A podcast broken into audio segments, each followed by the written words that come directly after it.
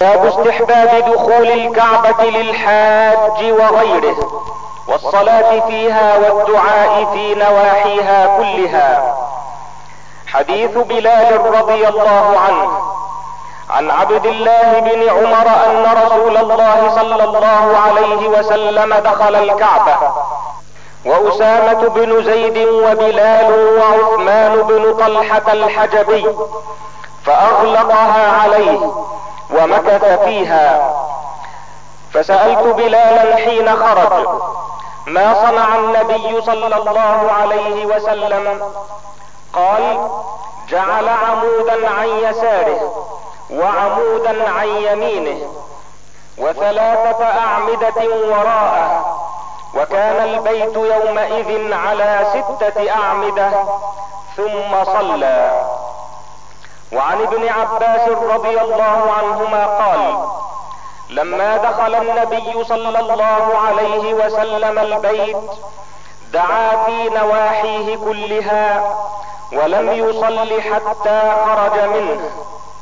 فلما خرج ركع ركعتين في قبل الكعبة وقال هذه القبلة. وعن عبد الله بن أبي أوفى رضي الله عنه قال اعتمر رسول الله صلى الله عليه وسلم فطاف بالبيت وصلى خلف المقام ركعتين ومعه من يستره من الناس فقال له رجل أدخل رسول الله صلى الله عليه وسلم الكعبة؟ قال لا. باب نقض الكعبة وبنائها. حديث عائشة رضي الله عنها قالت قال لي رسول الله صلى الله عليه وسلم لولا حداثة قومك بالكفر لنقضت البيت ثم لبنيته على أساس إبراهيم عليه السلام. فإن قريشا استقصرت بناءه وجعلت له خلفا. وعن عائشة رضي الله عنها زوج النبي صلى الله عليه وسلم أن رسول الله صلى الله عليه وسلم قال لها ألم تري أن قومك لما بنوا الكعبة اقتصروا على قواعد إبراهيم؟ فقلت يا رسول الله ألا تردها على قواعد إبراهيم؟ قال لولا حدثان قومك بالكفر لفعلت. فقال عبد الله رضي الله عنه هو ابن عمر لئن كانت عائشة رضي الله عنها سمعت هذا من رسول الله صلى الله عليه وسلم ما أرى رسول الله صلى الله عليه وسلم ترك استلام الركنين اللذين يليان الحجر إلا أن البيت لم يتمم على قواعد إبراهيم. باب جدر الكعبة وبابها. حديث عائشة رضي الله عنها قالت سألت النبي صلى الله عليه وسلم عن الجدر أمن البيت هو؟ قال نعم. قلت فما لهم لم يدخلوه في البيت. قال إن قومك قصرت بهم النفقة. قلت فما شأن بابه مرتفعا. قال فعل ذلك قومك ليدخلوا من شاءوا ويمنعوا من شاءوا.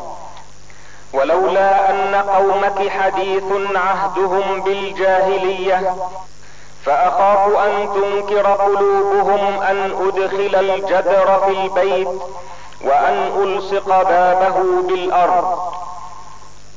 باب الحج عن العاجز لزمانة وهرم ونحوهما أو للموت. حديث عبد الله بن عباس رضي الله عنهما قال كان الفضل رديف رسول الله صلى الله عليه وسلم فجاءت امرأة من خثعم فجعل الفضل ينظر إليها وتنظر إليه. وجعل النبي صلى الله عليه وسلم يصرف وجه الفضل إلى الشق الآخر. فقالت يا رسول الله إن فريضة الله على عباده في الحج أدركت أبي شيخا كبيرا لا يثبت على الراحلة أفأحج عنه؟ قال نعم وذلك في حجة الوداع.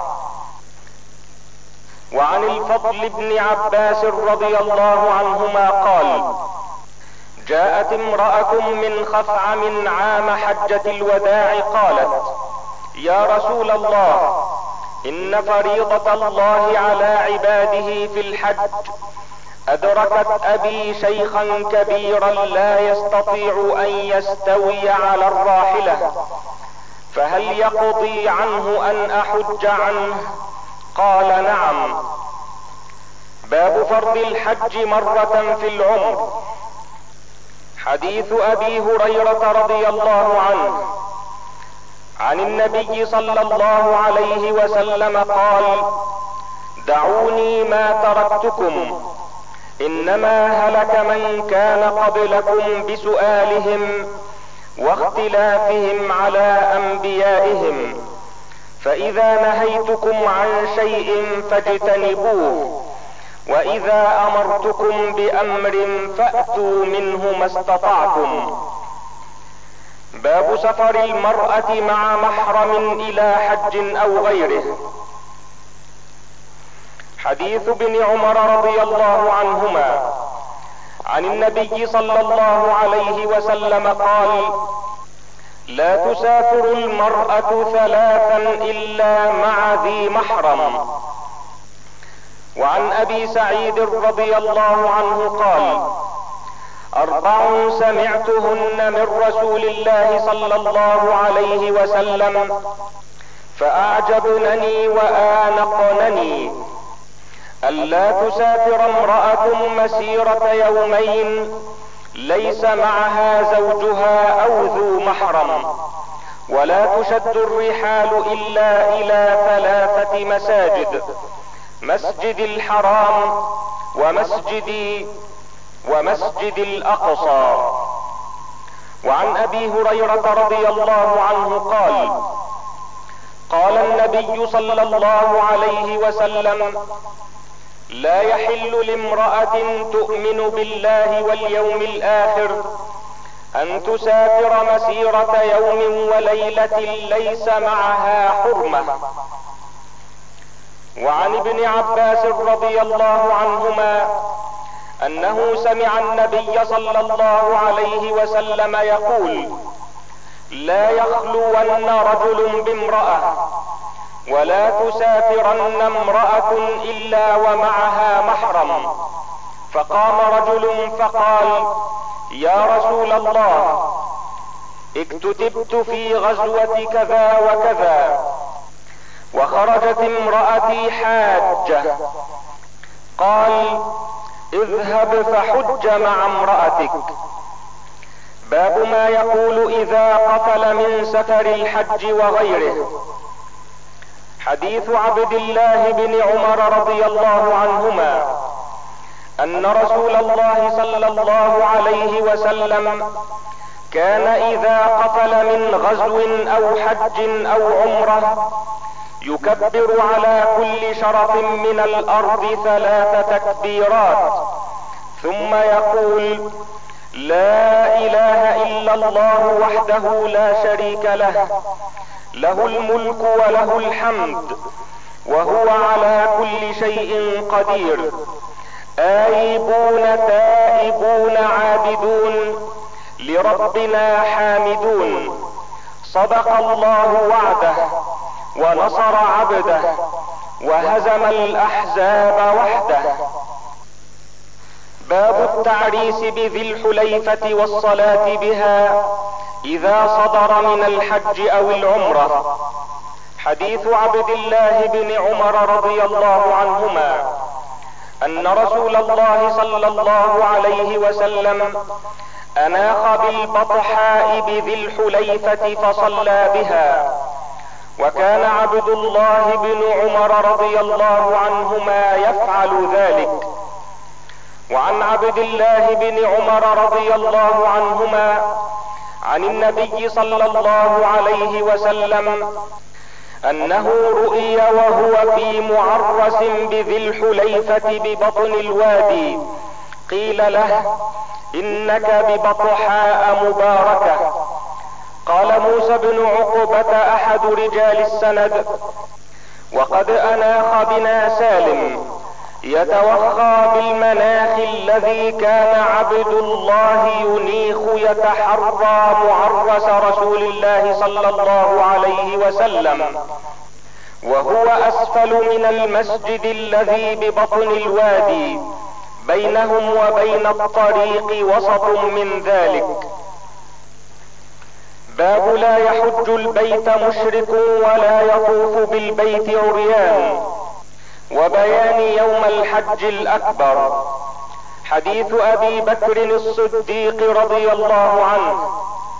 عن أبي هريرة أن أبا بكر الصديق رضي الله عنه بعثه في الحجة التي أمره عليها رسول الله صلى الله عليه وسلم قبل حجة الوداع يوم النحر في رهط يؤذن في الناس. ألا لا يحج بعد العام مشرك ولا يطوف بالبيت عريان. باب في فضل الحج والعمرة ويوم عرفة.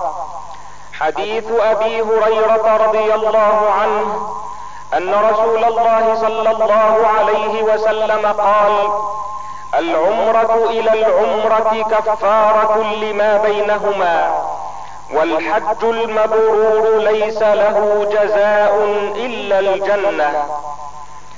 وعن أبي هريرة رضي الله عنه قال قال رسول الله صلى الله عليه وسلم من حج هذا البيت فلم يرفث ولم يفسق رجع كما ولدته أمه. باب النزول بمكة للحاج وتوريث دورها. حديث أسامة بن زيد رضي الله عنهما أنه قال يا رسول الله أين تنزل في دارك بمكة؟ فقال وهل ترك عقيل من رباع أو دور؟ وكان عقيل ورث أبا طالب هو وطالب.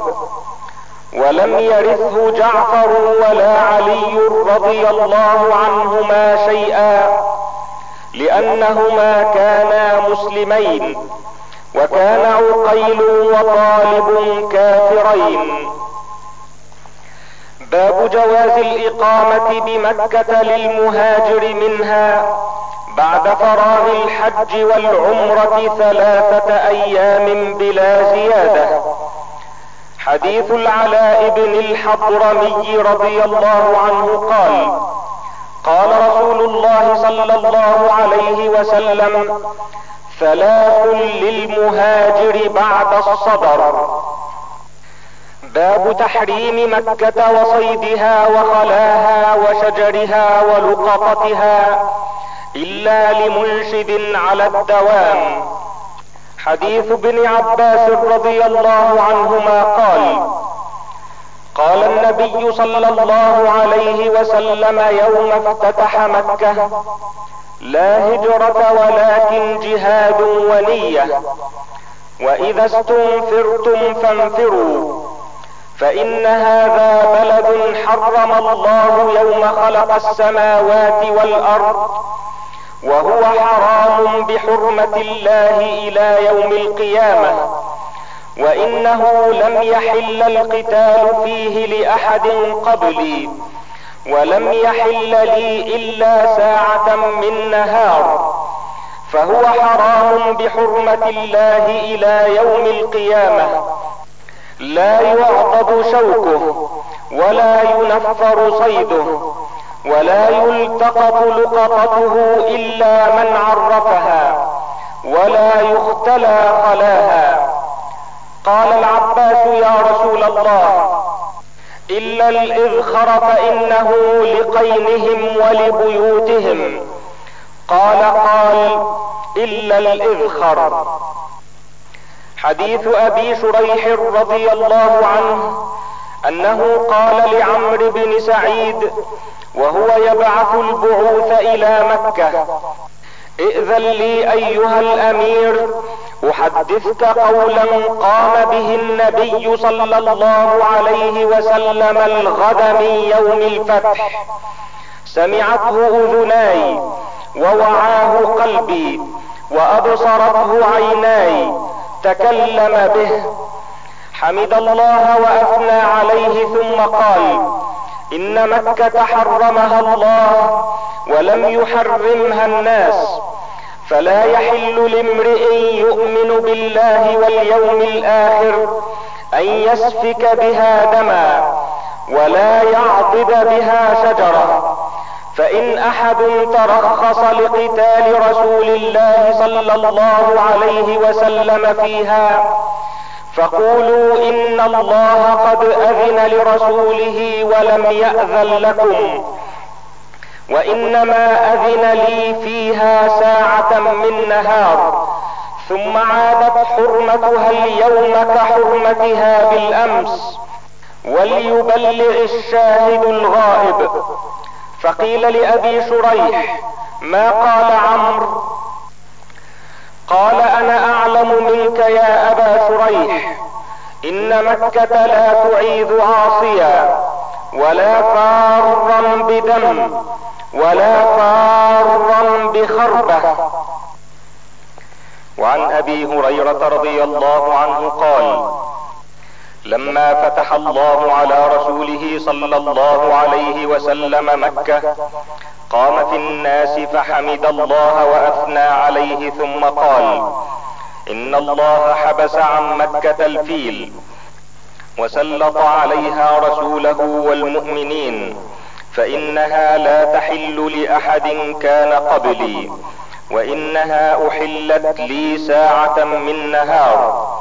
وإنها لا تحل لأحد بعدي فلا ينفر صيدها ولا يختلى شوكها ولا تحل ساقطتها إلا لمنشد.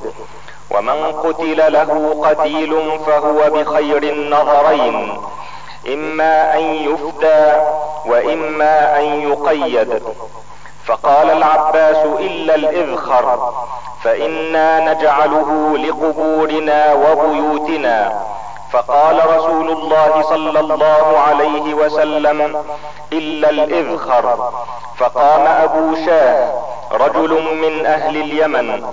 فقال اكتبوا لي يا رسول الله فقال رسول الله صلى الله عليه وسلم اكتبوا لأبي شاه.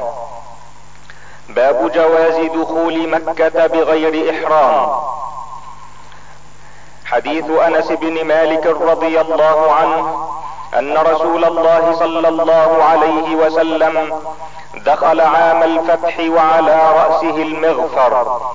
فلما نزعه جاء رجل فقال إن ابن خطل متعلق بأستار الكعبة. فقال اقتلوه باب فضل المدينة ودعاء النبي صلى الله عليه وسلم فيها بالبركة وبيان تحريمها وتحريم صيدها وشجرها وبيان حدود حرمها. حديث عبد الله بن زيد رضي الله عنه عن النبي صلى الله عليه وسلم إن إبراهيم حرم مكة ودعا لها وحرمت المدينة كما حرم إبراهيم مكة ودعوت لها في مدها وصاعها مثل ما دعا إبراهيم عليه السلام لمكة. وعن أنس بن مالك رضي الله عنه قال قال رسول الله صلى الله عليه وسلم لأبي طلحة التمس غلاما من غلمانكم يخدمني فخرج بي أبو طلحة يردفني وراءه. فكنت أخدم رسول الله صلى الله عليه وسلم كلما نزل. فكنت أسمعه يكثر أن يقول اللهم إني أعوذ بك من الهم والحزن والعجز والكسل والبخل والجبن وضلع الدين وغلبة الرجال فلم أزل أخدمه حتى أقبلنا من خيبر وأقبل بصفية بنت حيي قد حازها فكنت أراه يحوي وراءه بعباءة أو بكساء ثم يردفها وراءه حتى إذا كنا بالصهباء صنع حيسا في نطع ثم أرسلني فدعوت رجالا فأكلوا وكان ذلك بناءه بها.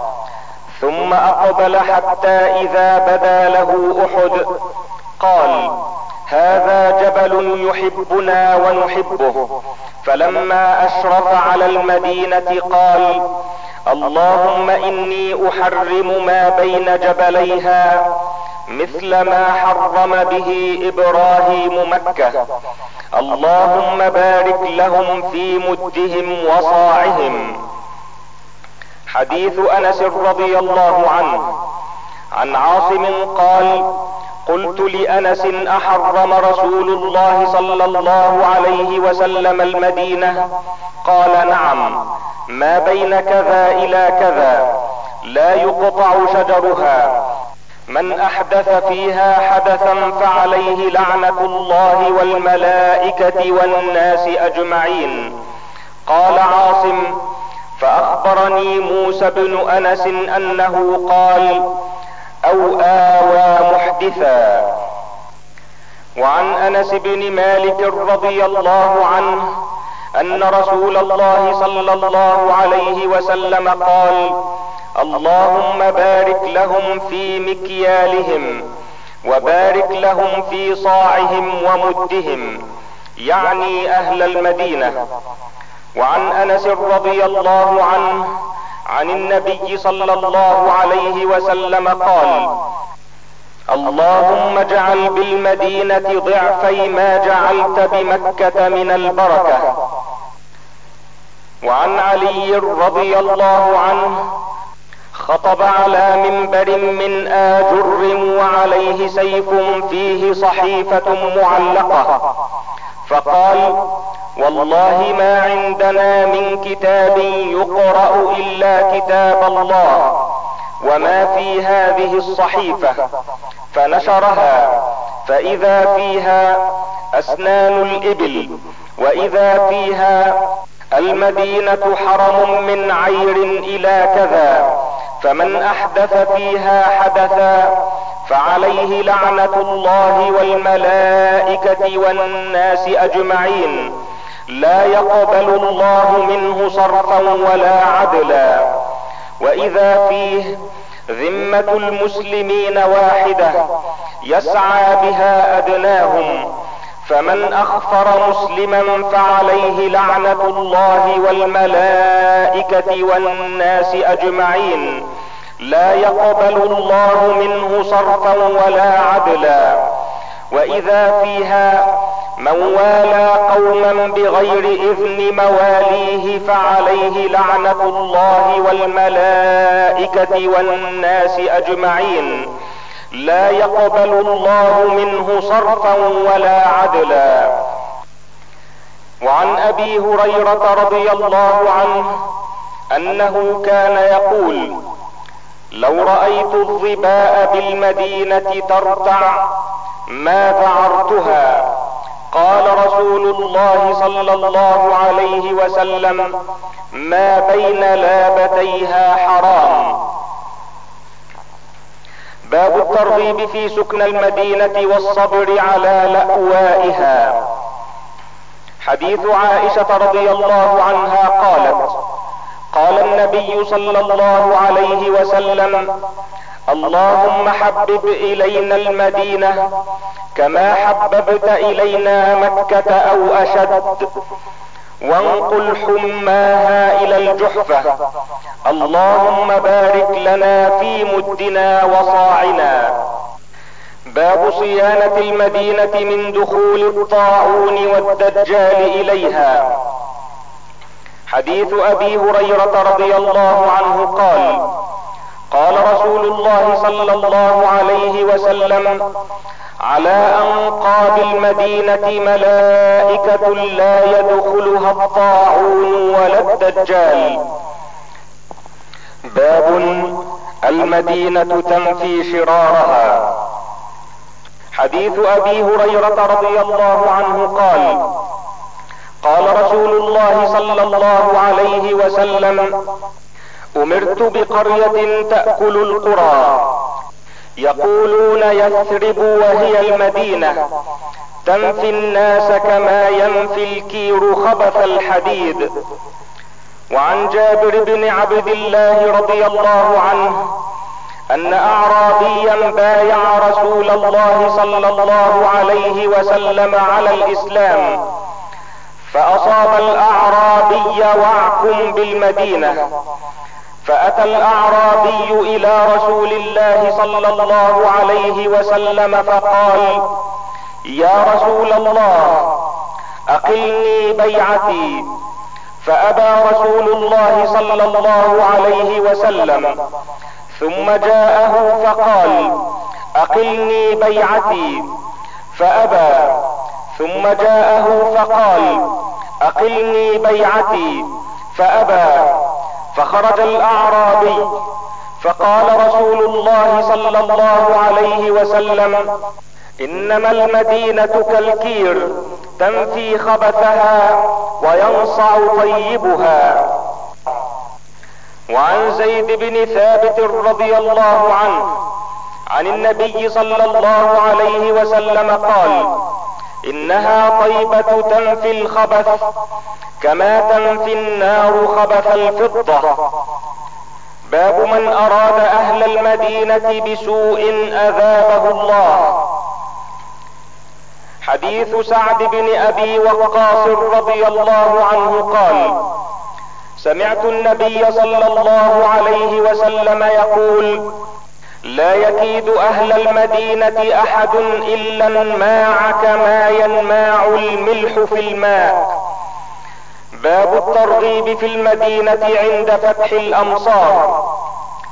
حديث سفيان بن أبي زهير رضي الله عنه أنه قال سمعت رسول الله صلى الله عليه وسلم يقول تفتح اليمن فيأتي قوم يبسون فيتحملون بأهلهم ومن أطاعهم والمدينة خير لهم لو كانوا يعلمون وتفتح الشام فيأتي قوم يبسون فيتحملون بأهليهم ومن أطاعهم والمدينة خير لهم لو كانوا يعلمون وتفتح العراق. فيأتي قوم يبسون فيتحملون بأهليهم ومن أطاعهم والمدينة خير لهم لو كانوا يعلمون.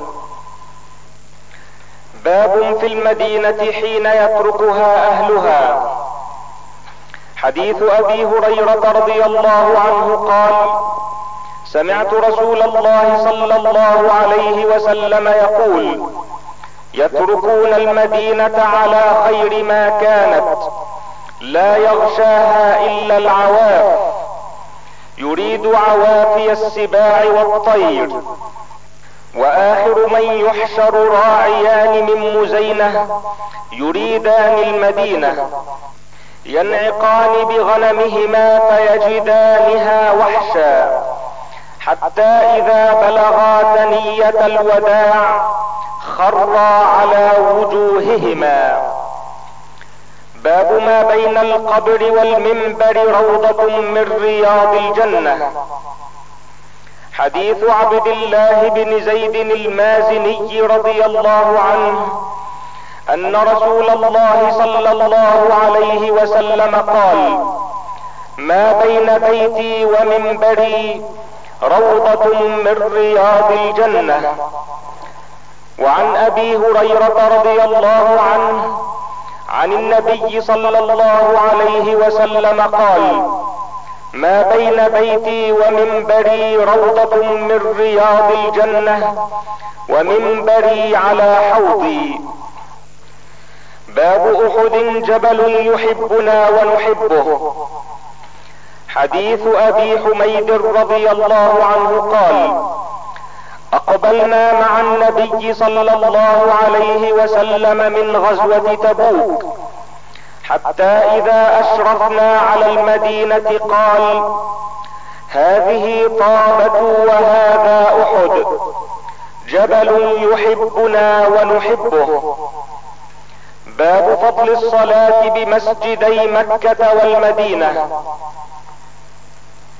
حديث أبي هريرة رضي الله عنه أن النبي صلى الله عليه وسلم قال صلاة في مسجدي هذا خير من ألف صلاة فيما سواه إلا المسجد الحرام.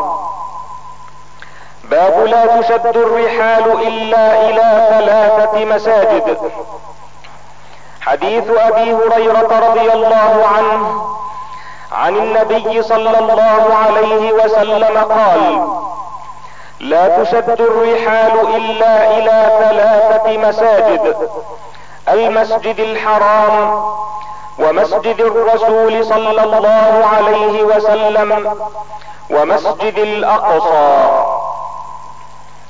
باب فضل مسجد قباء وفضل الصلاة فيه وزيارته. حديث ابن عمر رضي الله عنهما قال كان النبي صلى الله عليه وسلم يأتي قباء راكبا وماشيا.